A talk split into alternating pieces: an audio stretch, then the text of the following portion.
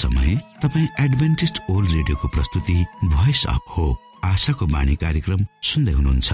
कार्यक्रम प्रस्तुता म रवि यो समय तपाईँको साथमा छु। परमेश्वरले भन्नुभएको छ तिमीहरूका कानले सुन्नेछौ बाटो यही हो यसैमा हिँड। श्रोता आशाको बाणी कार्यक्रमले हामीले चुन्नु पर्ने बाटोको विषयमा हामीले हिँड्नु पर्ने बाटोको विषयमा जानकारी गराउने गर्दछ। धेरै धेरै बाटाहरूको बीचमा कुन चाहिँ बाटो रोज्ने भनेर अल्मलिएको मनलाई परमेश्वर तर्फ फर्काउन परमेश्वरको सत्यतालाई बुझ्न आशाको बाणी कार्यक्रम नियमित सुन्नुहोस्। तपाईँले सही बाटो सत्य जीवन र प्रभु येशु क्रिस्टलाई भेट्नुहुनेछ। आउनु श्रोता हामी हाम्रो मुख्य कार्यक्रममा जानु अगाडि आज पनि सुन्नेछौ यो मधुर क्रिस्टीय भजन।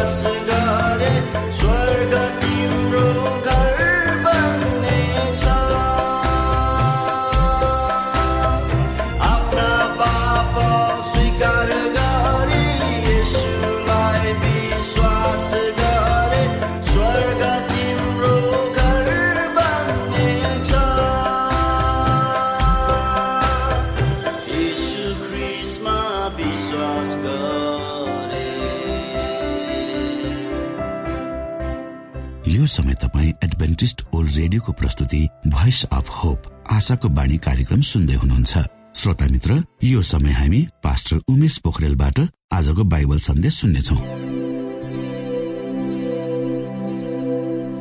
श्रोत साथी न्यानो अभिवादन साथ म तपाईँको आफ्नै आफन्त परमेश्वरको वचन लिएर यो रेडियो कार्यक्रम मार्फत पुनः उपस्थित भएको छु। श्रोता मलाई आशा छ तपाईँले हाम्रा कार्यक्रमहरूलाई नियमित रूपमा सुन्दै हुनुहुन्छ र परमेश्वर को हुनुहुन्छ भनेर आफ्नै जीवनद्वारा अनुभव गर्दै हुनुहुन्छ। परमेश्वरसँगको यात्रा कति मिठो र आनन्ददायी हुन्छ भन्ने कुरो तपाईँले आफै अनुभव गर्दै हुनुहुन्छ। श्रोता आउनुहोस् आज पनि तपाईँ हामी केही समय परमेश्वर सँगसँगै बिताउँ। आजको प्रस्तुतिलाई पस्कनुभन्दा पहिले आउनुहोस् म परमेश्वरमा अगुवाईको लागि बिन्ती राख्नेछु। जीवी जिउँदो महान दयालु परमेश्वर प्रभु हामी धन्यवादी छौँ। यो जीवन र जीवनमा दिनुभएका प्रशस्त आशिषको लागि प्रभु यो रेडियो कार्यक्रमलाई म तपाईँको हातमा राख्छु।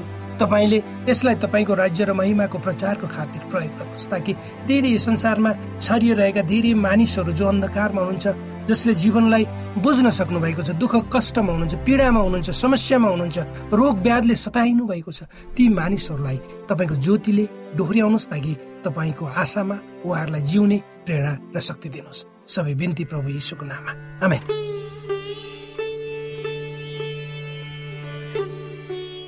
साथी सबैले यो जीवन एकचोटि जिउनु पर्छ अर्थात् जीवन भनेको एउटा अनौठो छ र विचित्र छ र जो मानिसले यो जीवन र प्रत्येक मानिसले यो जीवन चाहिँ एकचोटि मात्र जिएर जान्दछ र फेरि म यो जीवनलाई पुनः जिउँछु म अनुभव गर्छु भनेर पाइँदैन। अर्थात् जीवन सबैको एउटै छ तर जीवनका भोगाई गराई फरक देखाई फरक अनि आफ्नो भोगाई अनुसार गराई अनुसार अनुभव अनुसार मानिसले जीवनको परिभाषा पनि फरक फरक गरेर दिएको हामी पाउँदछौँ। अर्थात् प्रत्येक मानिसलाई तपाईँले गएर सोध्नुभयो भने जीवन के हो भनेर सोध्नु प्रत्येक व्यक्तिलाई सोध्नुभयो भने प्रत्येक व्यक्तिको आफ्नै किसिमको उत्तर हुन सक्छ। त्यो चाहिँ उसको आफ्नै भोगाइले आफ्नो परिवेशले परिस्थितिले जुन रूपमा जीवनलाई उसले अगाडि बढाएको हुन्छ त्यसैको पृष्ठभूमिमा उसले आफ्नो जीवनलाई परिभाषा गर्दछ। श्रोता तर पनि प्रत्येक परिभाषाका भित्र लुकेका मानिसका रोदनहरू एउटै हुन्छन् भावना एउटै हुन्छ भोक एउटै प्यास एउटै निन्द्रा एउटै हाम्रो रगत एउटै अनि हाम्रा पीडा अनि दुखाइ एउटै आखिर सङ्घर्ष हो जीवन हाम्रा जीवनका सङ्घर्षका मैदान एउटै छन् तर परिस्थिति भिन्न भिन्न। बन्नलाई एक बारको जुनी तर पनि एक बारको जुनीमा स्थिर भई जी देखाउनु कठिन छ। कतिपय समयमा हाम्रा भोकले हामीलाई झुकाउँछ। कहिले काहीँ हाम्रा शोकले हामीलाई रुवाउँछन्। अनि यो जीवन एक पाठशाला हो जहाँ जे गर्दिन भनेका छौँ त्यही गर्न जीवनले सिकाउँछ। हामी सम्पूर्ण भोकलाई हामी सम्पूर्णले भोकलाई नियन्त्रण गर्न सक्दैनौँ जुन हाम्रो होइन एक दिन हामीले छोडेर जानुपर्छ। हामी संसारमा हुँदाखेरि हामीसँग भएका सम्पूर्ण थोकलाई हामी चाहिँ आफैसँग लिएर जाँदैनौँ। यी हाम्रा होइनन् यिनलाई हामीले एक दिन छोडेर जानुपर्छ। यो सत्यताको बावजुद पनि हामी सकेसम्म धेर थोर बटुल्ने नै प्रयत्न गर्दछौँ। किनकि जति जिइन्छ बाँकी जीवन त जिउनु नै पर्दछ। आजको भोकले हामीलाई भोलिको थोक मेट्ने आजै परिश्रम गर्न प्रेरणा दिन्छ। किनकि काम बिना माम पाइँदैन होला। कसैलाई पिता पुर्खाको सम्पत्तिले खान पुग्ला तर आफ्नो मेहनतको गाँसमा जस्तो त्यसमा न शान्तता शान्त मिल्छ न इज्जत नै। न त आफैलाई गौरवको महसुस नै हुन्छ। परिश्रमी हातहरू सधैँ आफ्नो नजर अनि नजर अनि अरूको नजरमा सम्मानित हुन्छ। हामी धेरै सफल व्यक्तित्वहरूको जीवनलाई अध्ययन गर्दछौँ। तर असफलताको पछाडि तिनीहरू कतिपय असफल हुँदै फेरि पुनः प्रयास गरेर सफल भए त्यो बुझ्न सकेको खण्डमा चाहिँ सफलताको सूत्र हात लाग्छ। जब हामीले कलमले कापीमा लेख्छौँ त्यो कलमको सुरुको हरफमा हामी लेख्न सक्छौँ तर त्यो सुरुको हरफमा लेखेर मात्र त्यो हाम्रो लेखाइ पुरा हुँदैन तर हामीले त्यो कापीको पुरै पानाहरू लेख्नुपर्छ। त्यो लेख्ने क्रममा सबै रेखाहरूमा लाई हामीले सामना गर्नुपर्छ। कमिलाले पहाड चढ्न सक्छ भने हामीले निश्चय नै चढ्न सक्छौँ यो आत्मविश्वास हामी पर्छ श्रोता परिश्रमी हातहरूलाई परमेश्वरले पनि प्रेम गर्नुहुन्छ तिनमा काम गर्न सक्ने शक्ति र बल भर्नुपर्छ। तर मूर्खको उपहास गर्दै बाइबलले यसरी भन्दछ ग्रीष्म ऋतुमा हिउँ वा फसलको बेला झरी परे झै मूर्खलाई सम्मान दिन सुहाउँदै। कोही मानिसहरू अरूको भावनाका कदर गर्दैनन् अर्काको मेहनतलाई बुझ्दैनन् न त कुनै काममा आफ्नो नङ्ग्रालाई खियाउन चाहन्छन् तर कामको श्रम त्यसबाट प्राप्त गर्न प्राप्त सम्मान अनि प्रतिफल आफै लिन चाहन्छन्। जुन नितान्त गलत हो तर पनि मूर्ख तिनको प्राप्तिमा लागिरहन्छ। जब अब बाइबलमा एक कथा दिएको छ जसबाट यसलाई बुझ्न अझ सजिलो हुन्छ। एक धनी मानिसका दुई छोराहरू हुन्छन्। तीमध्ये एक चाहिँ बाबुको कुरा मानेर खेतबारीमा काम गर्दछ। आज्ञाकारी भएर बस्दछ। तर कान्छो छोराको आँखा बाबुको सम्पत्तिमा पर्दछ। यो सम्पत्तिमा मेरो अधिकार छ। बेकारमा म किन काम गर्ने? मानिस जस्तो खटेर काम गर्नु भनी उसले सोध्छ। उसले सम्पत्तिको निम्ति आफ्नो बाबुलाई अंश माग्दछ। आफ्नो छोराको मूर्खता प्रति प्रश्न नगरी उसको भागको सम्पत्ति दिएर बाबुले पठाउँछ। दङ्ग र फुरुक्क पर्दै ऊ ऊ त्यो सम्पत्ति लिएर प्रदेश लाग्छ। ऊ यहाँको रम त्यहाँको रमझम सुख शैल भौतिक भोग विलाससित ऊ त मग्न हुन्छ। मोज मजा व्यविचारी कर्म रमाइलो र रमझममा उसले बाबुबाट पाएको सम्पत्तिलाई चाँडै सकाउँछ बाबुले कति मेहनतले ती सम्पत्ति जोडेका होलान् भनी रत्तीभरि पनि मनमा हेक्कार नराखी क्षणभरमै सखा पार्दछ। अब बिरानो सहरमा त्यो आफ्नो आफ्ना नभए पनि आफ्ना थिए तिनीहरू पुरा पुनः बिरानै बन्दछन् किनभने उसँग भएको पैसा सकिसक्छ। न खानको निम्ति खाना न बस्नको निम्ति बास न त लगाउनको निम्ति राम्रा वस्त्र। अब उसको जीवन कष्टप्रद हुन्छ। यस्तो अवस्थामा आएर ऊ एउटा चौबाटोमा उभिन्छ। अब जीवन गुजराको निम्ति उसले काम भेट्टाउँछ सुँगुरको सुँगुर चराउने काम। त्यो पनि उसले सहज स्वीकार गर्छ तर त्यस सुँगुरका मालिकले उसलाई राम्रो खाना समेत दिँदैन। अन्तमा उसले सुँगुरको चारा खाएर आफ्नो भोक शान्त पार्छ। अब झस्कन्छ किनकि सुरुमा सुखमा उसले आफ्ना बाबुलाई नसम्झिए तापनि उसले दुःखमा आफ्नो बाबुलाई सम्झिन्छ। उसको चेतना त्यो मरेको चेतना पुनः जागृत हुन्छ। आफ्नो बाबुका प्रेमलाई सम्झन्छ। कति दुःख र कष्टले उहाँले सम्पत्ति जोड्नु भयो होला। त्यसलाई सम्झन्छ। बाबुले गरेको मूर्खता पूर्ण व्यवहार प्रति पश्चाताप गर्दै। आफूले गरेको मूर्खता पूर्ण व्यवहारप्रति पश्चाताप गर्दै लज्जित बन्छ। अब उसले जीवनलाई वास्तवमा नै बुझ्दछ आफ्नै मेहनतले भोग शान्त पार्न कति गाह्रो रहेछ भन्ने कुरो उसले बुझ्छ र परिश्रमको महत्वलाई पनि बुझ्छ त्यो बिरानो ठाउँमा धेरै बस्दछ अन्त्यमा उसले सोध्दछ मेरो बुबाको घरमा काम गर्न बसेकाहरूले समेत योभन्दा राम्रो खाना खान्छन् राम्ररी बस्छन्। म गएर माफी माग्नेछु। अनि एक छोराको हैसियतले त होइन तर कामदारको हैसियतले त्यहाँ बसेर आफ्नो बाबुको सेवा गर्नेछु। उसले कतिपट्टि ढिला नगरी आफ्नो घरको बाटो लाग्दछ। घर फर्कँदा टाढैबाट उसको बुवाले आफ्नो छोरो फर्किरहेको देख्दछ। वास्तवमा त्यो बुबा चाहिँ त्यो दिन मात्र होइन प्रतिदिन आफ्नो छोरा फर्किने आशामा बाटो तर्फ आँखा बिछाई पर्खी बस्ने गरेको हुन्छ। आफ्नो छोरो फर्केको देखेर ऊ रमाउँछ। उसले आफ्नो छोरालाई अँगालोमा लिन्छ। छोराले माफी माग्छ। आफ्नो मूर्खतामा पश्चाताप गर्दै आफूलाई कामदारको रूपमा राख्न अनुरोध गर्दछ छिटपुट भएको हृदय पश्चातापका शब्द लज्जाले झुकेको शिर माया पाउन तर्सिएका आफ्नो छोराको व्यवहार देखेर त्यो किसान बाबु आफैले पीडाको महसुस गर्दछ। त्यहाँ प्रत्येक गुनासाहरू आँसुले पखालिदिन्छन् अनि त्यस बुबाले आफ्नो कामदारलाई भने उसलाई मलमलको वस्त्र र औँठी लगाइदिने आज्ञा दिँदै आफ्नो मोटो पशुलाई काटी भोज तयार पार। किनकि मेरो छोरो मरेको थियो तर मैले उसलाई फेरि पाएको छु भन्दै उसले आज्ञा गर्छ र रमाउँछ तर यो कुरामा उसले उसको ठुलो छोरो वा छो त्यो केटाको दाजु सन्तुष्ट भएन। मैले सधैँ तपाईँको आज्ञाकारी छोरा भइकन काम गरेँ तर पनि कहिले साथी भाइसँग रमाइलो गर्न एउटा पशु समेत तपाईँले दिनु भएन आज आफ्नो भागको सम्पत्ति उडाएर सक्याउने छोरालाई यस्तो प्रेम? अनि बुबाले नम्र भई जवाब दिन्छन् तिमी सधैँ मेरो साथमा थियो बाबु। यो सबै तिम्रै सम्पत्ति हुन् हो हेर म तिमीलाई पनि प्रेम गर्छु तर ऊ त मरेको थियो अनि फेरि जीवित भएको त्यो नयाँ जीवनको सुरुवात हो को निम्ति हाम्रो साथको जरुरी छ। कथाभित्र धेरै कुराहरू लुकेका छन् यहाँ दुईटा कुरालाई एक समयमा आफ्नो पिताको प्रेमलाई बुझ्न सक्दैन। तर आफ्नो प्रेमले बाबुले पुनः आफ्नो प्रेममा समेट्दछ। धन सम्पत्ति बाटोमा फाल्ने कुरा होइन। तर पनि तिनको महत्वलाई नबुझेका छोराले बाबुले मेहनतले आर्जेको सम्पत्तिलाई पलभरमै सकाउँछ अब जब रित्तिन्छ तब मात्र उसले परिश्रमको फललाई बुझ्दछ सन्तानलाई आफ्नो अंशमा दावी गर्न सजिलो छ। तर आमा बुबालाई गर्नुपर्ने कर्तव्य छ कठिन। बाबुको हृदय मैन जस्तो कमलो छ जसले हर कुरालाई क्षमा दिन सक्छ अनि आफ्नो सन्तानलाई अँगाल। महत्वपूर्ण कुरो यो छ कि यस कथामा भोकले मानिसलाई कहिले काहीँ यहाँसम्म सुकाइदिन्छ पुर्याइदिन्छ कि मानिसले सहजै आफ्नाहरूको दुःख र कष्टलाई बुझ्न सक्दै जीवनको सङ्घर्षको मैदानमा आज तपाईँमा प्रत्येक सहभागी छौ। कसैले जीवनलाई कुन रूपमा बुझ्नु होला कसैले अर्कै रूपमा त्यो आफ्नै छ।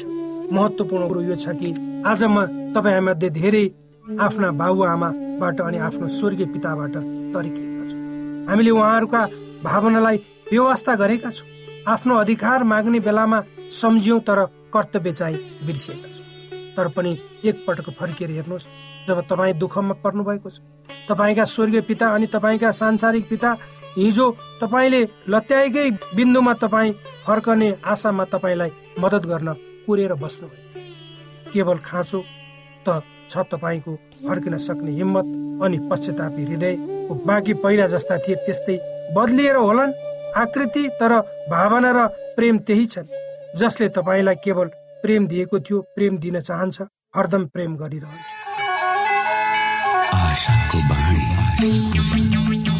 श्रोता भर्खरै यहाँले पास्टर उमेश पोखरेलबाट बाइबल वचन सुन्नुभयो। यो समय तपाईँ एडभेन्टिस्ट ओल्ड रेडियोको प्रस्तुति भोइस अफ होप आशाको बाणी कार्यक्रम सुन्दै हुनुहुन्छ। कार्यक्रम सुनेर बस्नुहुने सबै श्रोतालाई हामी हाम्रो कार्यक्रममा स्वागत गर्न चाहन्छौ।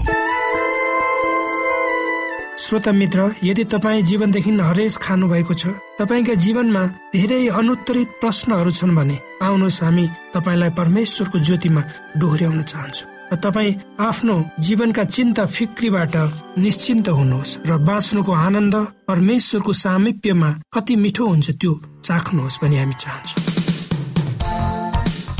श्रोता यदि तपाईँ आशाको बाणी कार्यक्रमलाई अनलाइन सुन्न चाहनुहुन्छ वा डाउनलोड गर्न चाहनुहुन्छ भने डट ओआरजीमा जानुहोस्। त्यहाँ तपाईँले प्रत्येक दिनको कार्यक्रम सुन्न र डाउनलोड गर्न सक्नुहुनेछ। हाम्रो वेब पेज यस प्रकार छ W W W dot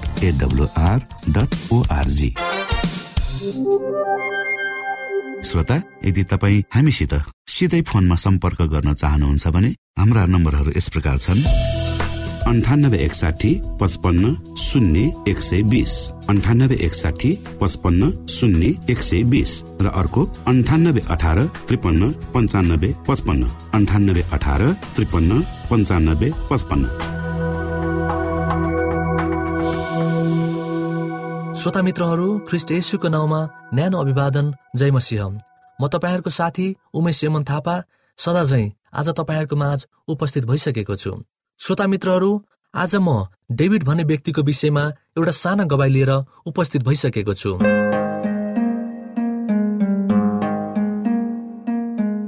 David डेभिडले पास्टरलाई evangelistic मिटिङको लागि विज्ञापन लेखिएको सूचना टाँसेको देखेर आँखा तरेर हेर्दै थिए त्यो सूचनाको अन्तिम भाग र हात खुट्टा काम्न थाले। यो लेखाइमा गल्ती भएको हो अथवा साँच्चै नै उनको घरमा मिटिङको लागि उनको अभिभावकले अनुमति दिएका थिए। उनी अचम्ममा परे। उनले त्यो सूचना पत्र च्यातेर टुक्रा टुक्रा पारिदिए र उनी त्यहाँबाट हिँडे।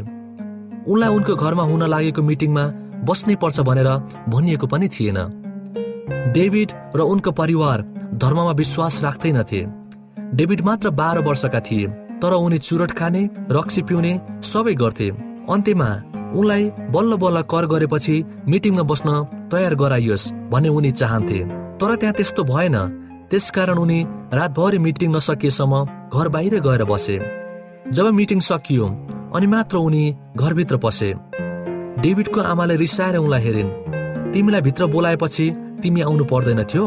उनकी आमाले उनलाई गाली गरिन्। अनि उसले भन्छन् कि त्यो मेरो इच्छा हो। डेभिडले जवाफ दिए धेरै बेर आमा छोराबीच भनाभन भयो र अन्त्यमा अर्को दिनको मिटिङमा आफू पनि भाग लिने पक्षमा डेभिड पुगे। घरमा भएको घरेलु सङ्गति सकिएपछि ती मानिसहरू एडभेन्टिज चर्चमा इभान्जलिस्टिक मिटिङको लागि गए। डेभिड पनि सँगसँगै गए। जब अगुवाले यसुको पछि लाग्न बत्तिसमा लिनुपर्ने कुरा बताउँदै थिए तब डेभिडलाई पनि उक्त कुरामा आफू पनि सहमति जनाउने इच्छा जाग्यो। त्यसपछि उनी र उनका काकाका छोरा बाइबल अध्ययनको कक्षामा बसे। डेभिडको परमेश्वर प्रतिको प्रेम एकदमै बढ्दै गयो। उनले रक्सी र चुरोट जस्ता नराम्रो लागु पदार्थ सेवन गर्न बिस्तारै बिर्सँदै गए। डेभिडले आफ्नो विश्वास आफ्नो परिवारसँग बाँडे। डेभिडको परिवारले डेभिडलाई यसुको भक्त भएर यसुलाई पछ्याएको मन पराएनन्। डेभिडको काकाको छोरा जसले लागु पदार्थ सेवन गर्दथ्यो डेभिडसँग नराम्रोसित झगडा गर्यो। डेभिडले आफ्नो विश्वास बाँड्दै हिँडे। आफ्नो परिवार साथीभाइ इष्टमित्र र बाटो हिँड्ने बटुवाला समेत सुनाउने गर्थे। मानिसहरूले अगाडिको घरेलु सङ्गति फेरि पनि डेभिडकै घरमा होस् भनी डेभिड र उनको भाइको इच्छा छ। यो पटक सङ्गतिलाई असर पर्ने गरी कुनै झगडा नगर्ने उनीहरूको भनाइ थियो। सङ्गति सुरु भयो। डेभिडको आमा पनि मिटिङमा थिइन् र डेभिडको प्रवचन सुनेपछि उनको विश्वास र परमेश्वर प्रतिको प्रेम देखेर आमाले पनि आफ्नो सारा जीवन परमेश्वरमा समर्पण गरिन्। अर्को वर्ष फेरि पनि डेभिडले उक्त मिटिङ आफ्नै घरमा सञ्चालन गरे। र यो पटक डेभिडका आफ्नै तिनजना भाइहरूले आफ्नो जीवन परमेश्वरसम्म समर्पण गरे। डेभिडले उनलाई परमेश्वरले पास्टर बनाउनका लागि उनलाई चुनेको भनी अनुभव गर्दछन्। उनले निश्चय गरिसकेका छन् कि जब उनी उनको विद्यालय स्तरको पढाइ पुरा हुन्छ त्यसपछि उनी जस्टर एडभान्टेज कलेजमा थियोलोजी पढ्न जाने उनको अठोट नै छ तर उनीसँग पर्याप्त पैसा छैन जति उनलाई पढ्नको लागि चाहिन्छ। परमेश्वरमा विश्वास राख तिम्रो पढाइको लागि खर्च उहाँले जुटाउनु हुनेछ डेभिडको भाइले उनलाई भन्दछन्। उनले परमेश्वरमा विश्वास भरोसा राखेर विद्यालयमा भर्ना गरे। उनलाई यति पनि थाहा छैन कि उनी कहाँबाट पैसा ल्याएर विद्यालयको फिस तिर्छन्।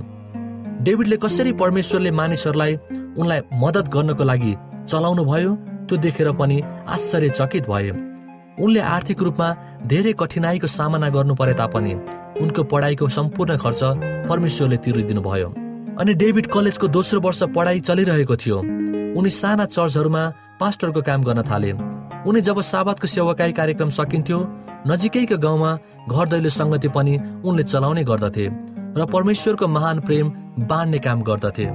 सानो चर्च जुन डेभिडले चलाउने गर्थे त्यस चर्चका महिलाहरूका लागि इभान्जलिस्टिक मिटिङ गर्ने गरिने डेभिड भन्छन्। त्यस चर्चका धेरैजनाले परमेश्वरलाई आफ्नो मुक्तिदाता हो भनिकन स्वीकार गरिसकेका छन्। एकजना बालिका थिइन् जसले आफ्नो जीवन परमेश्वरमा समर्पण गर्ने निर्णय गरिन् र बत्तिसमा पनि लिन् तर उनका परिवार उनको त्यो निर्णयप्रति खुसी थिएनन्। बत्तिसमा लिएको दिनमा उनका परिवारले उनीमाथि रिस पोखे र नराम्रो व्यवहार पनि गरे। तर उनी आफ्नो निर्णयबाट नडगमगाई बसिन् र आज उनी एक चर्चको सक्रिय कार्यकर्ताको रूपमा काम गर्दछिन्। डेभिडलाई मानिसहरूले घर घरमा पनि प्रचारको लागि बोलाउँदछन्। र आफू पनि आफ्नो जीवन परमेश्वरमा समर्पण गरी बत्तिसमा लिन आग्रह गर्दछन्। डेभिड जहाँ जान्छन् जता पुग्दछन्। परमेश्वरको प्रेम प्रचार गरिहाल्छन्। परमेश्वरले पास्टर बनाउनुकै लागि मलाई बोलाउनु भएको भनी उनी भन्दछन्। र जसरी युनिभर्सिटीले मलाई सहयोग गरेर परमेश्वरको बोलावटलाई पूरा गरिदियो पनि डेभिड भन्दछन्।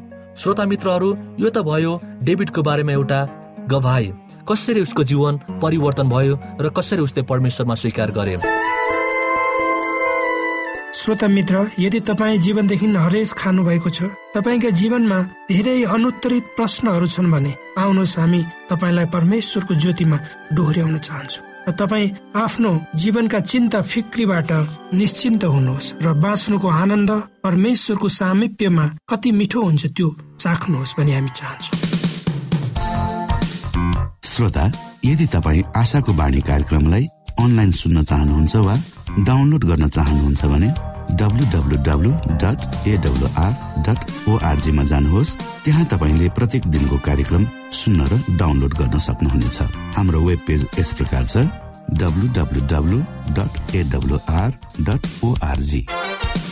श्रोता तपाईँलाई आजको हाम्रो यो कार्यक्रम शिक्षाप्रद लाग्यो र तपाईँले यसबाट विशेष अगुवाई लिन सक्नु भएको छ भने हामीले आशा लिएका छौँ। हामीसँग पत्राचार गर्ने हाम्रो ठेगाना यस प्रकार छ। आशाको बाणी पोस्ट बक्स नम्बर दुई शून्य शून्य शून्य दुई काठमाडौँ नेपाल। श्रोता यदि तपाईँ हाम्रो स्टुडियोको नम्बरमा सम्पर्क गर्न चाहनुहुन्छ भने हाम्रा नम्बरहरू यस प्रकार छन्। अन्ठानब्बे एकसाठी पचपन्न शून्य एक सय बिस। अन्ठानब्बे एकसाठी पचपन्न शून्य एक सय बिस र अर्को अन्ठानब्बे अठार त्रिपन्न पन्चानब्बे पचपन्न। अन्ठानब्बे अठार त्रिपन्न पन्चानब्बे पचपन्न। श्रोता तपाईँ हामीलाई इमेल पनि गर्न सक्नुहुन्छ। हाम्रो इमेल एड्रेस यस प्रकार छ Nepal at AWR dot ORG Nepal at AWR dot ORG यदि तपाईँ हामीलाई अनलाइन सुन्न चाहनुहुन्छ वा डाउनलोड गर्न चाहनुहुन्छ भने तपाईँ W W W dot AWR dot ओआरजीमा जानुहोस् र त्यहाँ तपाईँले हाम्रो सबै कार्यक्रमहरू सुन्न सक्नुहुनेछ।